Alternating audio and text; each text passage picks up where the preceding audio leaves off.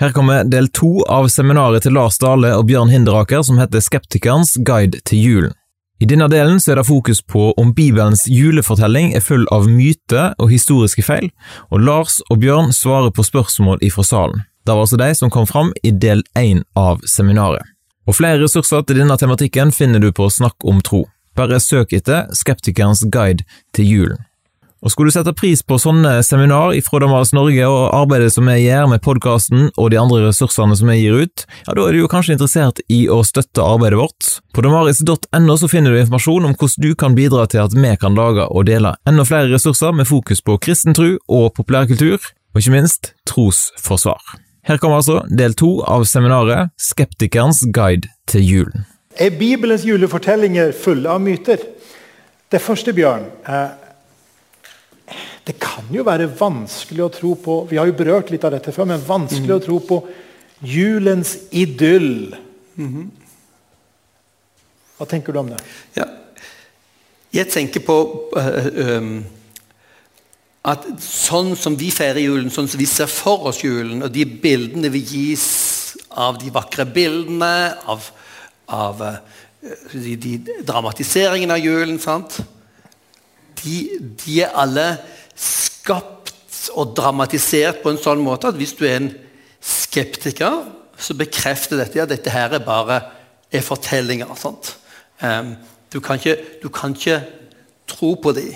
Og i tillegg, når du har nisser og pakker og kommersialisering, så, så det, det, er en utfordring å, grave seg inn til for det første hva er egentlig innholdet her.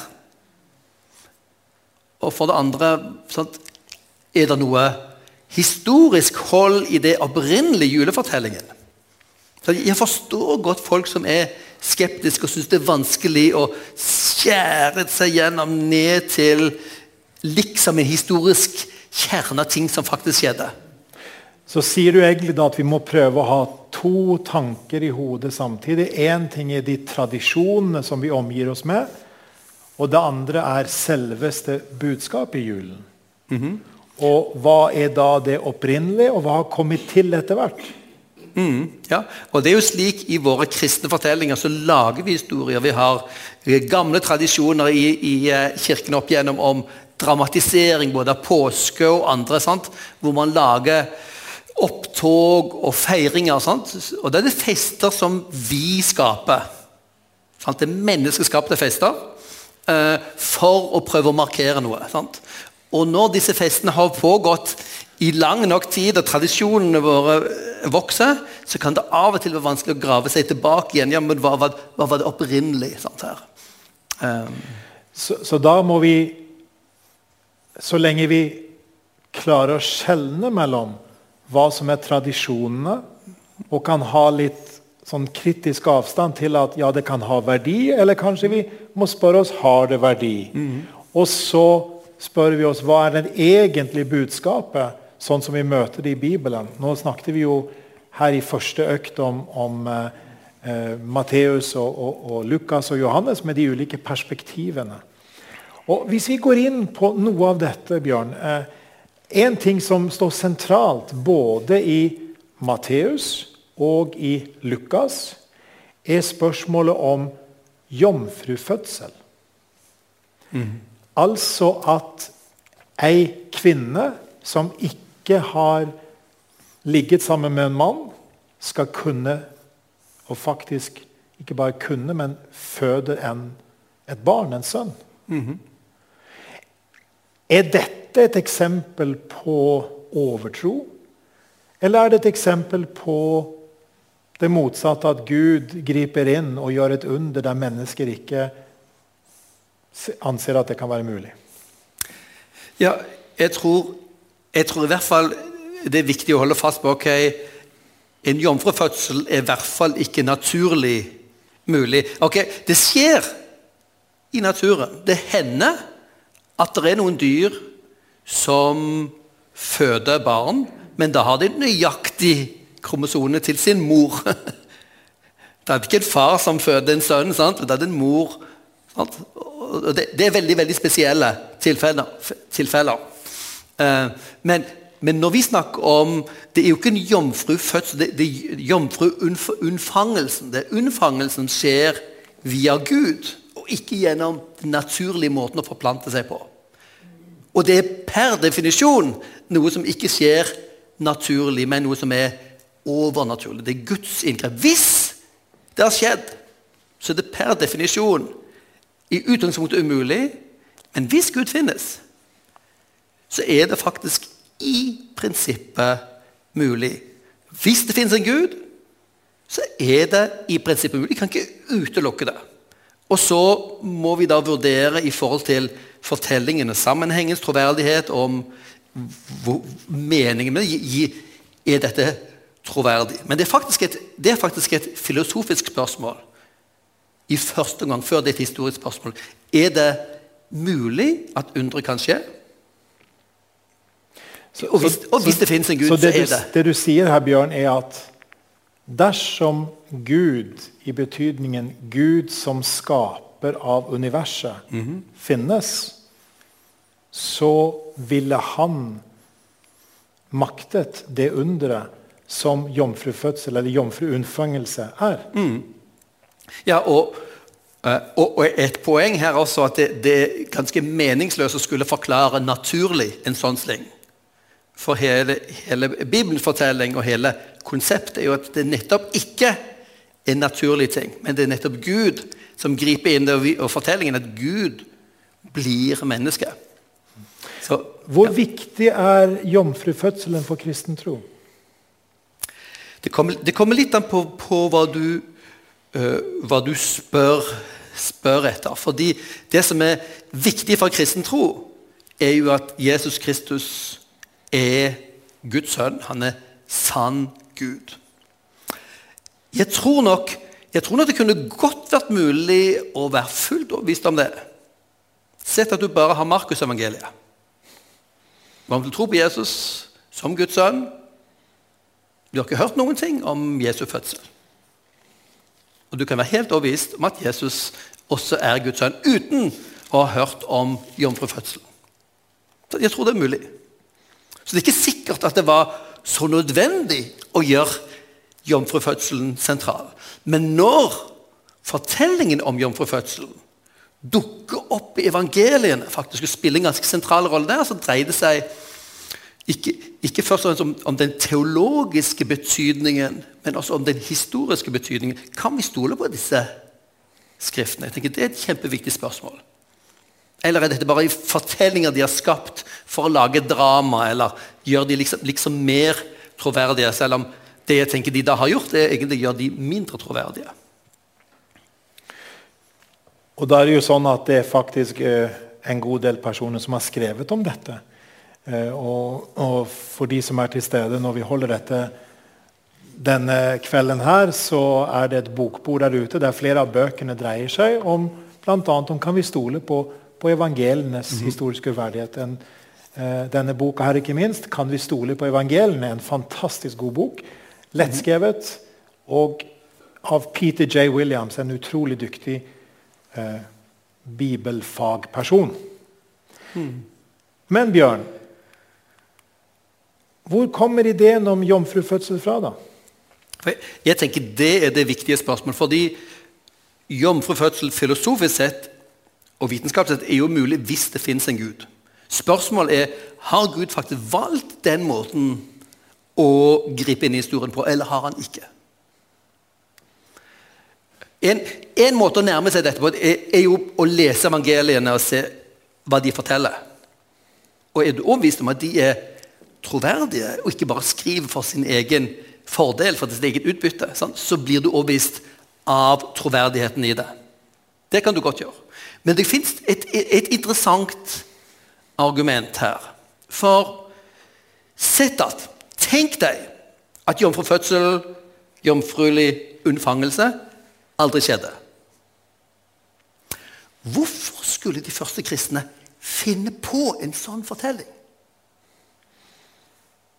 Hvorfor skulle de finne på fortellingen om jomfrufødselen? Hvis det aldri skjedde. Og da er det to, eh, det er to liksom, forslag til hvorfor disse eh, evangelistene skulle komme på. Det, det ene er at jo, det finnes masse fortellinger om viktige folk i antikken som ble unnfanget som som er barn av guder.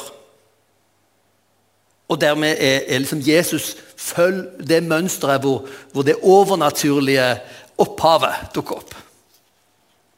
Så, men mm, De første kristne var jøder. Evangeliet gikk først til jøder, så til de andre.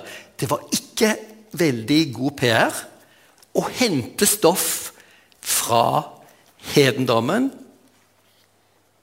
for, for, for, å drive PR for denne nye troen, som var sterkt jødisk. Ikke god PR å si at fordi at, eh, fordi at det er fortellinger om, om, om Julius Cæsar, om Platon, om andre som er overfødt som er født på overnaturlig vis. Vil si, mødrene var aldri jomfruer. For det var enten slanger eller altså gudene som kom og hadde sex med disse kvinnene. Så de var, de var, de var unnfanget på overnaturlig vis ved at det var gudene sant? i ulik form. Men det var ikke egentlig jomfrufødsel i det hele tatt.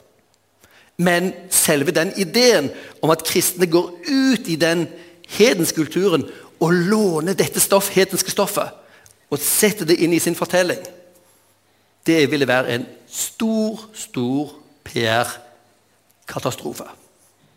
For det var ikke noe som det jødiske folk så anså som troverdig. Den andre forklaringen på jomfrufødsel, for at de kunne ha funnet på fortellingen om jomfrufødsel, er at ok, dere husker dere ett vers i Det gamle testamentet som snakker om en kvinne Se, se, jomfruen skal bli med barn. Og Hans navn skal være Immanuel, sant, fra Jesaja 7. Aha! fortellingen om jomfrufødselen er skapt av de som ut fra Jesaja 7 forventet en jomfrufødsel. Så er bare problemet det at ingen på Jesu tid leste Jesaja 7 som en profeti om en jomfrufødsel. Så det gir ingen mening å skulle skape en fortelling om jomfrufødsel fordi du så din profeti i Gamletestamentet. Fordi ingen så det sånn før de kristne i ettertid leste Jesaja og så disse sammenhengene. Så hvis du, hvis du leser evangeliene Hvorfor skulle de finne opp dette? her? Det ville være helt utrolig å finne opp en fortelling om jomfrufødsel. Og det som er interessant, Når du leser egentlig alle evangeliene, så ser du i bakgrunnen er det en diskusjon om hvem var egentlig din far. Sånn, det er Marias sønn som kommer her. Marias sønn? Det er ingen som kalles opp etter sin mor. Diskusjonen om hans farskap ble hvisket rundt omkring og dukket opp annet diskusjonen med, med i, i uh, Johans evangeliet. Sant? Vi er ikke født i hor, sier de. Og har en stikk til Jesus. Ja, hvem er nå egentlig din far? Folket visste at det var noe muffens med hans fødsel. Og hvis du var en jøde på Jesu tid, og man ikke visste hvem din far var da var det ille med deg. For da kunne ikke du gifte deg med hvem som helst. De ble kalt mamser. Det er en egen gruppe av jøder som ikke passet inn i den jødiske eh, renhetstradisjonen. De kunne kun gifte seg med andre mamsere. Så det at Jesus aldri blir gift, kan også ha en sammenheng med dette at han er skrekkelig dårlig gifteemne. Fordi at man hadde spørsmål om faren. Farskap. Dette ser du rundt i evangeliene hele tiden. Og dette gir veldig god mening til også de fortellingene om hvordan Jesus blir født. Og fordi at det ville være en veldig dum idé å finne på en sånn fortelling om jomfruelig unnfangelse som alle ville smile av første gang de hører det. I hele verden, gjennom hele historien. Vi vet jo vi vet jo det går ikke an. Du gjør historien mindre troverdig med å legge til en sånn ting. Likevel er de fortalt oss. Og jeg ser på de som derfor også svært troverdige. Ja, takk for dette, Bjørn. Her er det mye å oppdage og mye å tenke over når en oppdager faktisk det som i utgangspunktet kan se ut som et problem, faktisk er trosstyrkene. Det er det som vi kan ta med oss videre. Men eh, eh, Bjørn, apropos hvem som dukker opp i disse fortellingene her. Hvem var vismennene? I, i Matteus evangeliet så går det jo egentlig nokså raskt forbi selve Jesu fødsel. Og så går det rett på denne fortellingen om noen vismenn fra Østen. Og vi har vel alle ser vel for oss ikke sant, eh, julespill og, og tradisjoner her og gaver og, og det ene med det andre. Og, og, og, men vi lurer på hvem var vismennene? Ja, Vi snakker om de hellige tre konger. Ikke var de konger. Ikke, vet ikke om de var tre, og de var i hvert fall ikke hellige. Sånn det ordet som brukes for vismenn, er ordet mager, eller magoi. Magere er en egen presteklasse som hører til det persiske religionen, zoroastrismen. De er kjent både for, eh, både for eh, astrologien. Sant? De ble sett på som, som profetiske og eh, svært gode i å spå ut ifra stjernene. Det var, dette var astrologer. Og for jøder er jo ikke astrologien renhårig. Det er forbudt. Spådomskunst ifølge Det gamle testamentet er strengt forbudt. Og Det er jo da ganske interessant at en, en, en gjeng med zoroastriske prester Bjørn, du sier zoroastriske. Kan du forklare det? Zoroaster Vi vet ikke helt når han levde, men han er opphavet til den persiske religionen. Um, som de kaller zoroastrismen, Saratustra, som delvis uh, som um, i sin grunn har ideen om to ultimate krefter til kamp mellom lyset og mørket. En dag, ifølge denne herre, så vil lyset vinne og, og, og brenne opp ondskapen. Det er da tanken. Man ser for seg en dommedag hvor til slutt vil lyset vinne. Men i mellomtiden så er det to nesten like store krefter, mørket og lyset, som kjemper. Eh, og midt inni denne her eh, store teologien så er det altså svære systemer av magi, okkultisme, astrologi, som er en del av den gamle, gamle visdommen i antikken. Og det er da svært interessant at det hedenske prester, overtroiske, som, som finner fram til Jesus. Og bare Før du går videre, Bjørn, la oss lese da, det som står her, bare for å få det liksom svart på hvitt. her. Mm. Da Jesus var født i Betlehem i Judea, og dette er altså Matteus 2, vers 1 og 2 og 3 Da Jesus var født i Betlehem i Judea på den tiden Herodes var konge, kom noen vismenn fra Østen til Jerusalem og spurte hvor er jødenes konge som nå er født? Vi har sett hans, stjernen hans gå opp, og vi er kommet for å hylle ham. Ok, Du sier her Bjørn, at dette er noen persiske, sorastriske magoi, mm -hmm. altså i plural, i flertall. Eh, kanskje prester, altså, mm -hmm. som kommer for å hylle jødenes konge. Mm. Og de snakker om en stjerne. -hmm. Dette er ikke lett å forstå, er det det? Nei, men hvis du vet litt om hva mager er, så passer jo dette perfekt. For det er jo stjerner de er opptatt av. De var ganske populære rundt omkring også i Romerriket. Men du var litt nervøs hvis du fikk besøk av sånne prester som kunne se inn i framtiden. Fordi ops, hva er det nå som skal skje? Er, dette, er, det bra eller dårlig for meg? Er det et dårlig tegn eller er det et godt tegn? Sant? Men var, eh, de ble høyt ansett, og de var ofte konsultert av eh, konger. Sant? De, de høytstående. De var ansett som virkelig vise menn i sin tid. Um, ikke nødvendigvis av jøder, som også så de som, som, som, som hedenske til folkeslagene. Sant? Og overtroiske, da. Og Sant? det som ifølge jødene ville være overtro. Men de var ledet rett sted på på en merkelig måte. Og så, eh, ok, så Nå har vi hørt om hvem de var. Men så snakkes det om en stjerne. Ja. Den her såkalte Betlehem-stjernen. Hva i all verden er det for noe? Fra, fra disse her eh, julespillene så har vi jo den ideen om at denne stjernen går foran de vise menn, og så stopper han over stallen. Sant? Og det er en sånn, sånn astronomisk en, en, en, en umulig ting. Det er ikke sånn stjerner eller planeter eller himmellegen beveger seg i det hele tatt. Så dette kan være noen, det kan være noen ulike forklaringer på det, det, hva, det, hva dette fenomenet det, det kan være en slags lysende engel. Okay? Det er første teorien. På samme måte som lyset gikk foran folket i ødemarken i Gamle testamentet, sant? så kunne denne engelen gå foran de vise menn fram til stallen. Det kan tenkes. Og vi vet jo også folk i antikken så jo på stjerner og engler og guddommelige vesen som bunn og grunn de samme ting. Det, det, det guddommelige, det lyser det av. Det kan være det. Men det er ingenting i fortellingen som antyder at, at stjernen var noe overnaturlig. Ingenting i fortellingen.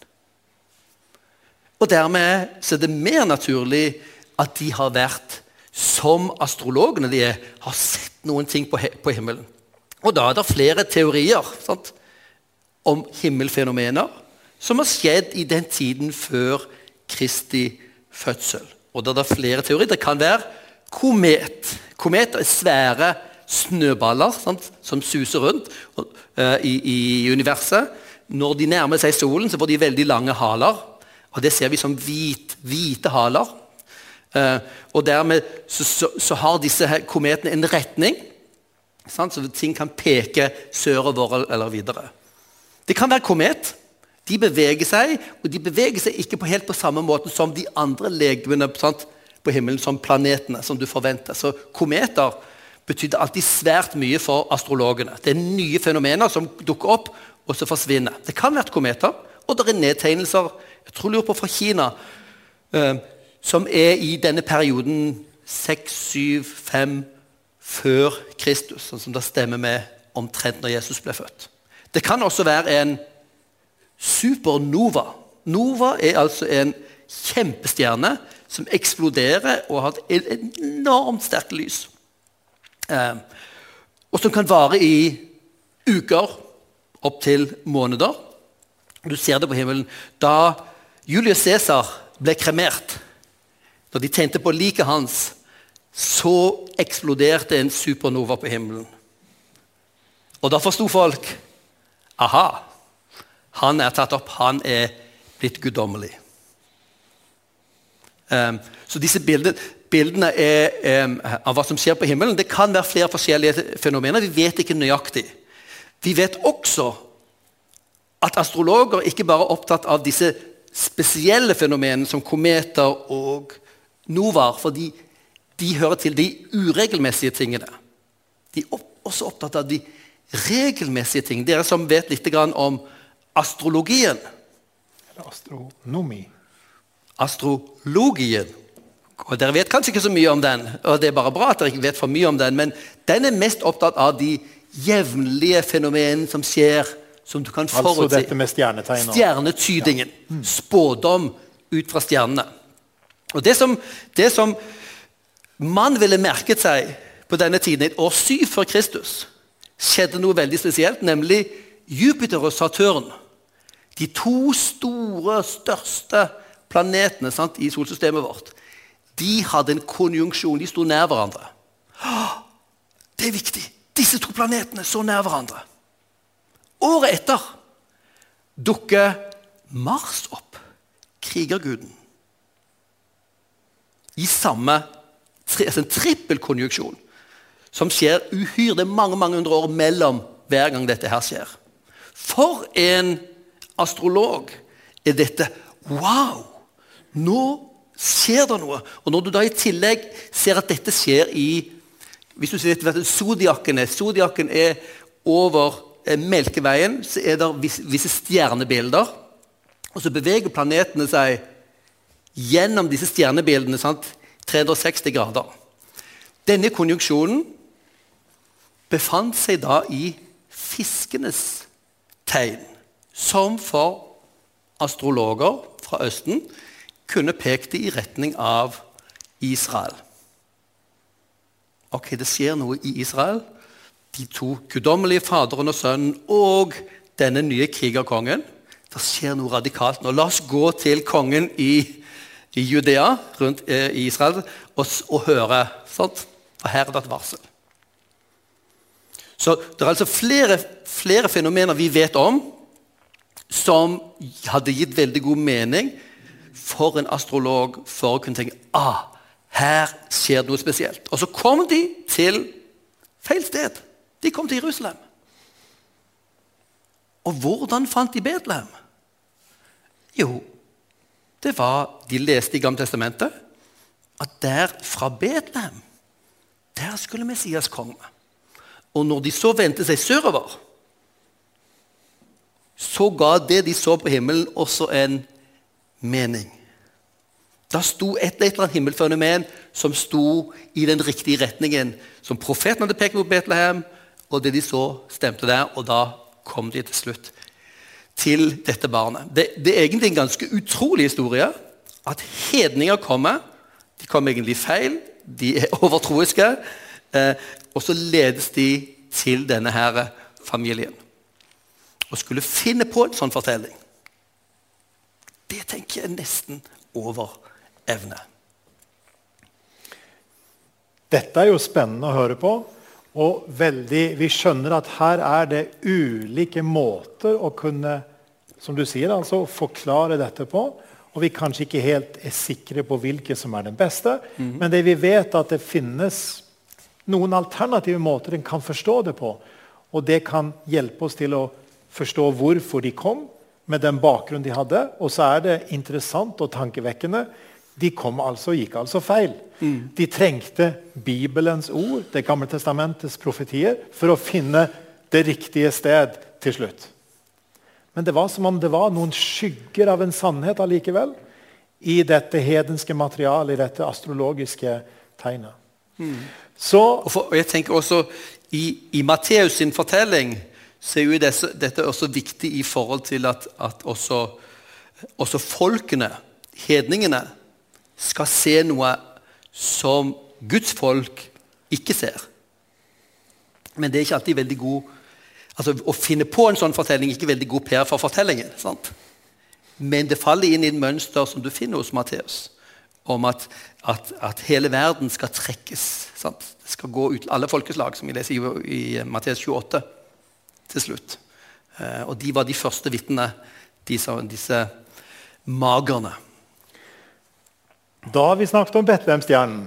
Eh, og da kan vi gå videre til det som ofte nevnes, og som også eh, ble nevnt når vi her i denne samlingen nå i, i Misjonshuset åpnet opp for spørsmål, nemlig Lukasevangeliet. Mm. Lukas, som er kjent for å være en nøyaktig historiker. Selv kritiske forskere må, må ofte innrømme det. Men så er det dette utfordringen med at han nevner en, en, spesiell historie, en spesiell hendelse. At det var en, en, noe som skjedde under Kvirinius. Hva er det han forteller om? Da Kvirinius var landshovding i Syria når, når, eh, Begynnelsen på det vi kaller juleevangeliet, det Lukas gjør det er å plassere denne fortellingen midt i historien av Romerriket. Og så i området da Syria. Sant? Det var ikke eh, Judea en egen stat, men det var, det var styrt fra Syria. Um, og Derfor kommer det var Kvirinius var landshøvding i Syria. Men det er et problem her, og det er en av de mer kinkige problemene i den nytestamentlige forskningen. Men vi skal merke oss her at problemet er jo ikke det at, informasjonen er så dårlig.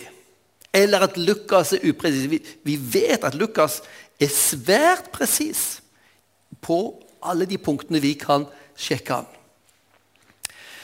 Men ifølge Josefus, eh, den historieskrivende Josefus som, som, skrev rundt år 90 etter den jødiske krigen, eh, han sier at han eh, ble landshøvding først år 6 etter Kristus. Akferinius ble. Ja. Akvirinius ble landshøvding i Syria år 6 etter Kristus, og da var det en folketelling. Og det var da opprøreren i Galilea sant? Dukket opp. Um, denne uh, Heter han, heter han Judas, uh, han også i um, Galilearen? Um, som var et opprør som ble knust av romerne. Det var på bakgrunn av igjen folketelling. Og da var Kvirinius involvert. Så det som er utfordringen her, er at Jesu fødsel skjedde mens Herodes levde. Og ifølge dateringen som vi normalt regner med, så, så døde Herodes rundt år 4 før Kristus. Så Jesus må ha vært født før det, noen år før det. Hvis Josefus har rett. Okay? Hvis det skulle være så ille at ok, her har Lukas enten feil, eller så har han bare ønsket å plassere dette her i en sånn rundt regnet sammenheng hvor vi vet at han store Kvirinius, som var en stor eh, landshøvding, han var en krigshelt, han var veldig kjent Han hersket rundt omkring den tiden. Ok, Det er det verste scenarioet. Men det kan også tenkes at Kvirinius også var involvert i en tidligere folketelling. Det finnes antydninger om det. Ikke noe så veldig sikkert om det, men vi vet at folketellinger foregikk jo jevnlig i Romerriket pga. skattene. Og vi vet også at folketellinger skjedde ikke akkurat på samme tid over hele tiden i Romerriket. Du administrerte det sant? til ulike grupper ulike plasser, og da kunne ta tid å få tatt folketellingen de ulike stedene. Så Det kan være litt ulike spørsmål her. Jeg selv må jeg si, jeg har ikke funnet det endelige, sikre svaret her. Men jeg tenker Lukas er kjempetroverdig. Så jeg satser på at han er troverdig. Vi vet at Kvirinius har eksistert. Sant? Vi vet at han var landshøvding. Vi vet at han var involvert i folketellinger. Vi vet bare ikke nøyaktig hvilken folketelling som det er snakk om akkurat rundt Jesu fødsel. Og Grunnen til det at vi har så litt mye informasjon både fra Josefus og fra Lukas, og det, det, er ting vi ofte møter i historieforskningen. At det er informasjon, og så har vi problemer med helt å koordinere det. Men det betyr ikke at noen av de lyver. Det betyr at vi har ikke funnet måten å helt ende opp i, i svaret. Eh, men men eh, har eksistert, at det var folketellinger troverdig, de reiste Betlehem er troverdig. Eh, Lukas er generelt troverdig. Det tror jeg kan egentlig være hevet over tvil. Så her har vi nevnt noen eksempler på temaer, spørsmål, utfordringer som ofte kan komme når vi tar opp julens budskap, julefortellingene. Så er dette noen av det vi har snakket om her, med jomfrufødsel, med stjernen og med innskrivingen eller, eller manntallet eller eh, eh, Hva kalles det? Eh, altså den, den, innskrivingen som var, eh, folketellingen, at de tingene blir hevdet å være problemer for den kristne julefortellingen, Bibelens julefortelling. Men så har vi hørt fra det du deler her, Bjørn, at det fins gode måter å se på dette på.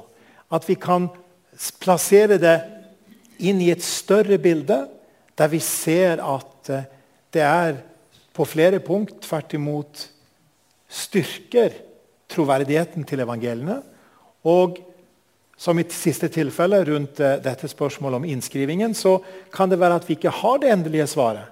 Og stjernen kan det være at vi ikke helt vet hvilken av de vi skal velge, men vi vet at det finnes mulige forklaringer. Og det kan ofte være nok til å si at ja vel, så må vi spørre oss hvor viktig er de detaljene?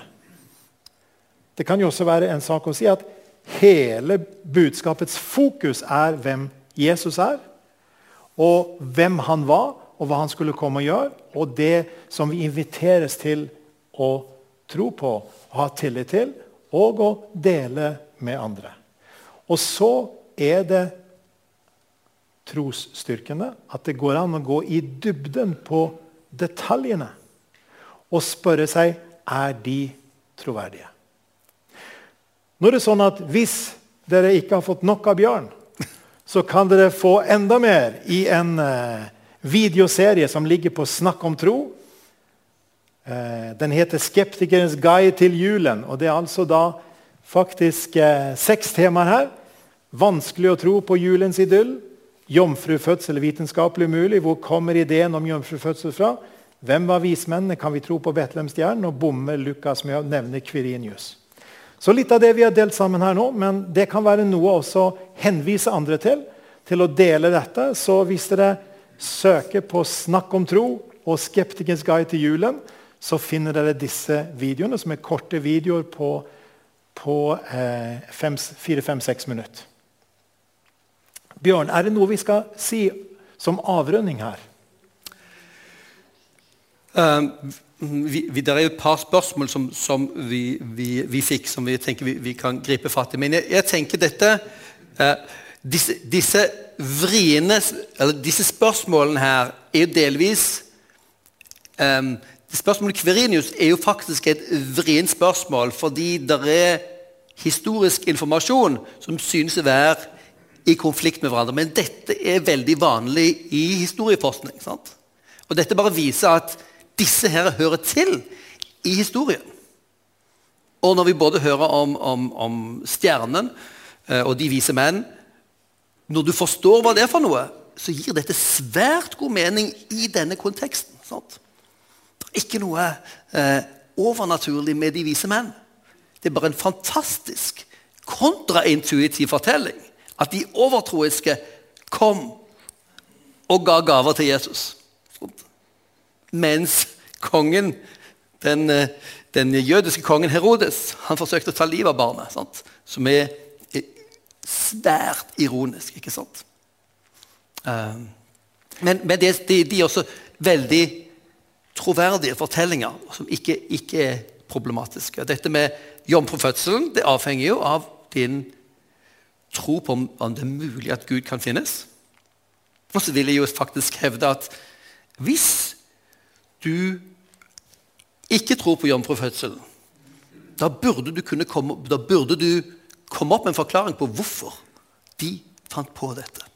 Og da har du en svær jobb foran deg, som historikere i dag enda ikke har klart å løse. Hvis ikke det skjedde, hvorfor kunne de komme på en så svært lite troverdig og latterlig fortelling?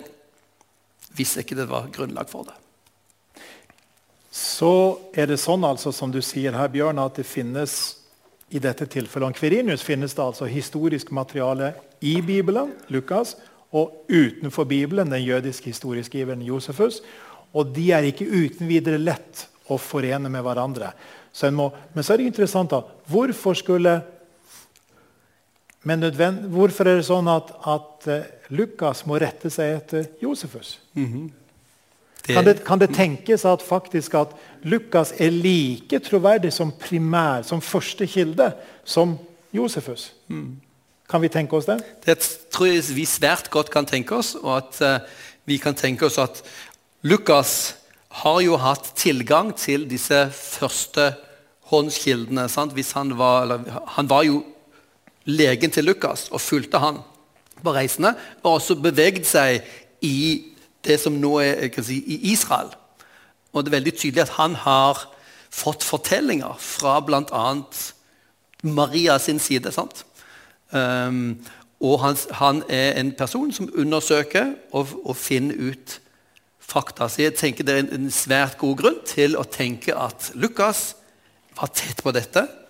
Eh, at han fikk tingene rett. Og kanskje at det heller Josefus som kanskje blander noe. Eh, men siden jeg er ikke er historiker, så vil ikke jeg påstå noe om det. Men eh, Lukas er ellers en, en svært god eh, og troverdig forteller. Men det går jo an å reflektere på dette punktet bare i det vi går Vi har ett spørsmål vi skal ta opp også i tillegg. Men, men det er jo det at ofte i kritikk mot Bibelen Det kan være i fagbøker, lærebøker osv. Som, som da uttrykker et kritisk ståsted. Så ligger det som en forutsetning at Bibelens opplysninger må sjekkes, kontrolleres, bekreftes av utenom-bibelske opplysninger. Og sånn som du sier her, Bjørn, så er ikke det en nødvendighet at det må henge sammen. Det kan godt være det at faktisk er Bibelens opplysninger like mye av førstehåndsopplysninger som det utenfor. Sånn at en må holde det sammen, og ikke det ene skal overkjøre det andre. Men så hadde vi også et, et spørsmål når vi åpnet opp eh, her i, i pausen i Misjonshuset i Kristiansand for et spørsmål om dette med tradisjoner. Hvordan skal vi forholde oss til juletradisjonene rundt oss, som ofte kan tendere kanskje, det kan bli sånn at de skygger for det egentlige budskapet i julen? Hva skal vi tenke om det? Eh, jeg, jeg, tror det, jeg, tror det, er altså, Når det gjelder jul, så, så, står det jo ingenting i Bibelen om at vi skal feire det. Sant? Det gjør ikke det. Eh, det men, det, det da, men, det, er jo da interessant at uh, grupper som Jehovas vitner forbyr sine å feire det. Sant? Men uh, er det vits i å forby det fordi det ikke er påbudt i Bibelen? Sant? Nå er vi kristne heller ikke påbudt å feire påske. Det, det, var Israels folk sine fester. Og vi, vi, vi pleier ikke å feire de andre. Jo, vi feirer pinse, men vi feirer ikke, ikke, ikke uh, løvhyttefesten osv. Så, så vi feirer ikke engang de festene i Bibelen som er pålagt. For det var det til det jødiske folket. Så de feiringene vi gjør, er menneskeskapte. Og det er menneskelige tradisjoner og det som er bra, at tradisjoner kan løfte fram og virkeliggjøre bibelfortellingen. Sant? Og det er det vi ønsker det skal gjøre. Sant? Og vi har ulike kristne grupper. ikke sant? Vi har katolikker, vi har protestanter, vi har ortodokse, som har veldig forskjellige uttrykk, forskjellig musikk og forskjellige tradisjoner. Og noen av de tradisjonene kan skygge for sentrum. Andre kan løfte opp. Så jeg tror det kan være lurt at vi er selvkritiske i forhold til våre tradisjoner. og Spesielt når tradisjonene våre blir veldig fine, og vi elsker tradisjonene. Da kan det av og til bli et problem. Sant? Hvor det er viktig at det er sentrum, og ikke feiringen vår. Så det er noe av det som, som jeg forsto på ditt spørsmål, er en kjempeutfordring. Det er så mye som er bygd rundt julen. Det er så mye kommersialisering, det er så mye nisser og så mye egentlig overtro, sant? og sekulær overtro. At det, det, på sett og vis byr oss imot når vi vet at denne, feien, denne feien skulle vært for dette barnet. Sant? Og det er jo da, selv om vi vet at det barnet ble ikke født 25. desember. Det var i hvert fall ikke datoen, det vet vi. Det er ikke befaling om, om å feire den, men det er en tradisjon så, vi, eh, så, så um, trenger vi da å bygge sunne, gode tradisjoner og fellesskap for å holde fast på den kristne troen. Vi greier oss ikke uten tradisjonene. Uh, vi trenger rytmen gjennom året. Vi trenger søndagen. Søndagen er ikke en sabbat.